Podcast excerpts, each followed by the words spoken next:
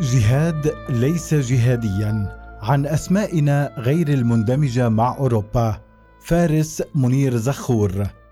اندماجنا في المجتمع أول ياردة نقطعها على طريق الحياة الجديدة الناجحة في أوروبا.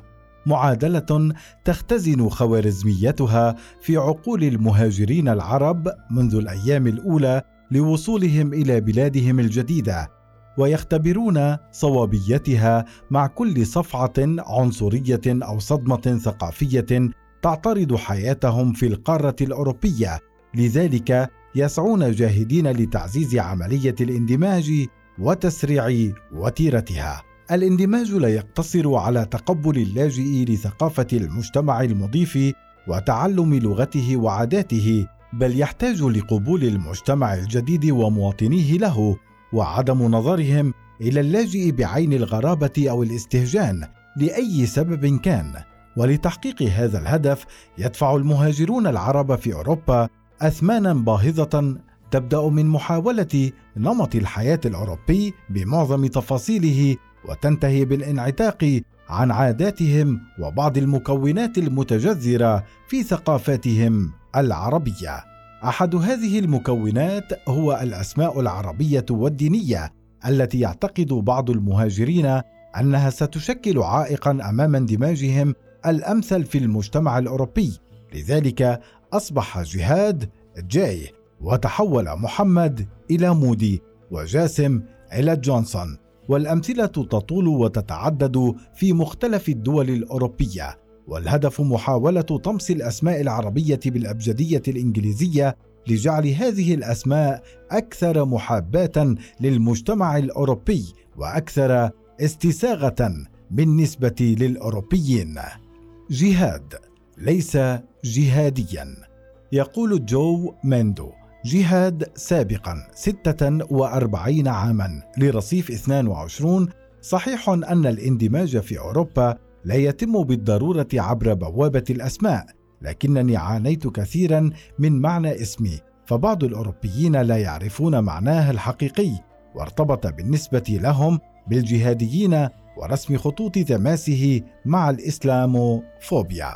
ويتابع في سنواتي الأولى في ألمانيا سألني أحد عن اسمي وقلت له جهاد من سوريا فسألني Have you ever been jihadist in Syria؟ أي هل كنت جهاديا في سوريا؟ وهذه واحدة من المسائل الحساسة في أوروبا وتهمة يسهل إلصاقها بأي عربي أو مسلم. قام جاي بإجراءات تغيير اسمه بشكل رسمي في ألمانيا التي تفرض شروطا خاصة على الشخص الذي يريد تغيير اسمه وأهمها وجود أسباب مقنعة ثم دفع رسوم تصل إلى حوالي ألف يورو. تختلف القوانين الأوروبية بين بلد وآخر في مرونتها مع مسألة تغيير الأسماء، لكن بالمجمل تسمح معظمها للأفراد بتغيير أسمائهم إذا كان الاسم يدل على معنى قبيح أو بلا معنى ويصعب نطقه، أو إذا كان الشخص طفلا ويحتاج لتبديل اسمه بسبب افتراق الوالدين.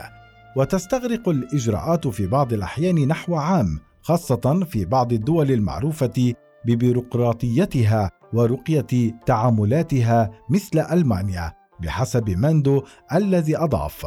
طالت الإجراءات ستة أشهر حتى حصلت على وثائق رسمية باسمي الجديد وأصبحت أعرف عن نفسي به في أي مكان. باستثناء عائلتي التي ما زالت تسميني جهاد. وفق دراسة نشرها المعهد الوطني للدراسات الديموغرافية في فرنسا يميل المهاجرون للابتعاد عن الأسماء التي تدل على أصولهم أو إرثهم الثقافي من خلال تسمية أولادهم وأحفادهم أسماء عالمية. ويميل المهاجرون الذين يعيشون في فرنسا إلى الأسماء التي تحمل طابعا عالميا لا تشي بأصول المهاجر سواء الإثنية أو الجغرافية. ترى الأخصائية النفسية والاجتماعية هبة موسى أن بعض العرب يقعون ضحية التصنيفات التي يتبناها الأوروبيون مسبقا عنهم منذ اللحظات الأولى للقائهم. ويعتبر الاسم أو لون البشرة أو اللباس أو اللكنة اللبنة الأولى لهذه التصنيفات عند بعض الأوروبيين. لذلك يحاول بعض اللاجئين إزالة هذه العلامات المميزة لهذه التصنيفات من أجل الهروب من تلك التصنيفات والأحكام المسبقة وذلك عبر الانغماس بالمجتمع الجديد والتطبع بعاداته شكلا ومضمونا. وإحدى وسائل هذا الانغماس هو تغيير الاسم العربي واعتناق اللقب الأجنبي للتماهي مع أصحابه. وتقول موسى لرصيف 22 فاتورة الاندماج الباهظة هذه لا يسددها العربي فقط من خلال التخلي عن اسمه بل من خلال تغيير معظم عاداته وأعرافه العربية أمام المجتمع الجديد. وبصرف النظر إذا كان هذا الأمر صحيحا أم خاطئا فهو بالمحصلة يغير من هوية الشخص وعاداته. من وجهة نظر موسى لن ينجح تغيير الاسم العربي في ترقية اللاجئ إلى منزلة الأوروبي عند ذلك الذي يصنفه مواطنا درجة ثانية لأنه ليس أوروبيا خالصا وبالتالي إذا تجاوز اللاجئ مأزق الاسم فلا بد أن تظهر هويته العربية من خلال لكنته أو أوراقه الثبوتية أو سلوكياته وعاداته. وتتابع المستشارة النفسية تكمن خطورة هذا الموضوع من الناحية النفسية والاجتماعية في أن الاسم ليس مكونا يسهل الانعتاق منه. مهما حاول الإنسان نكرانه فسيبقى يشعر عند نعته بالاسم الجديد بأنه زائف وليس حقيقيا. عبد الغفور ركيك بالفرنسية. اختارت بعض العائلات العربية التمسك بأسمائها الأصلية واعتبرت الاسم جزءا من الهوية التي لا يجب المساس بها مثل عبد الرحمن اللمع ستون عاما الذي رفض رغبة ابنه عبد الغفور تسعة عشر عاما بتغيير اسمه عندما وصل إلى فرنسا لكنه أيقن نهاية أنه لا يملك القوة لمنعه.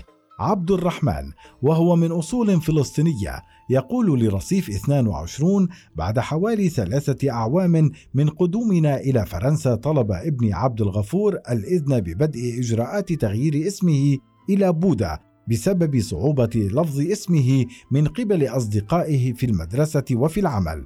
رفض عبد الرحمن طلب ابنه بعد نقاش طويل اقتنع الطفل أن اسمه مسألة حساسة مرتبطة بالهوية العربية فأحجم عن هذه الخطوة وأردف عبد الرحمن منذ حوالي شهرين أخبر عبد الغفور والدته أنه عازم على تغيير اسمه لا محال وأن القانون الفرنسي أعطاه هذا الحق ورغم محاولة لثنيه عن ذلك بدأ فعليا بالخطوة وينتظر انتهاء الإجراءات للحصول على الوثائق الجديدة. وجد عبد الرحمن حلا وسطا لحالته وحالة ولده وهو الاحتفاظ باسم عبد الغفور في المنزل لكن على الأوراق الفرنسية وفي سوق العمل الفرنسي أصبح عبد الغفور بودا لتجنب الصعوبات التي يتعرض لها. أسماؤنا ركن من أركان هويتنا ولا يجوز العبث بها وليس نحن العرب فقط من نعاني صعوبة نطق الأوروبيين لأسمائنا كذلك هناك الأسيويون والأفارقة ورغم ذلك لا يغيرونها يقول عبد الرحمن دون أن ينكر تعاطفه مع ابنه وإحساسه بمعاناته مما تعرض له من مضايقات. وكشفت دراسة بعنوان لماذا يفضل بعض أرباب العمل مقابلة ماثيو وليس سمير؟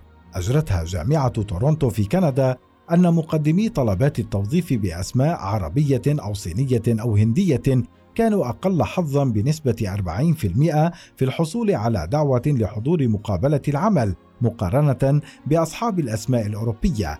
وعن ازدواجية اللقب رأت الأخصائية النفسية هبة موسى أنها قد تكون حلا للتوازن خاصة بالنسبة للأبناء الذين نشأوا في المجتمع الأوروبي. فلا مشكلة في نعتهم باسمهم العربي داخل المنزل واسم آخر خارجه وهو أمر ليس حديثا. فكثيرا ما كانت لنا ألقاب تستخدمها عائلتنا في المنزل فيما ننعت في المدرسة والحي والعمل بالاسم الرسمي الخالص. لذلك قد يكون هذا حلا منطقيا ووسيلة نحو اندماج المغترب بالمجتمع الجديد من بوابة اعتناق أبجديته. شأن إنساني ذاتي. تنظر في مسألة تغيير الأسماء لجان حكومية مختصة تتحرى الأسباب الموضوعية لتعديل الأسماء، ولكن يجب أن ينظر فيها أيضا بعين الرحمة والإنسانية تجاه من يسعى لتعديلها هربا من ألم نفسي أو ضيق من إقصاء مجتمعي تسببه أفكار نمطية عند بعض الأشخاص وأصحاب العمل أو زملاء المدرسة.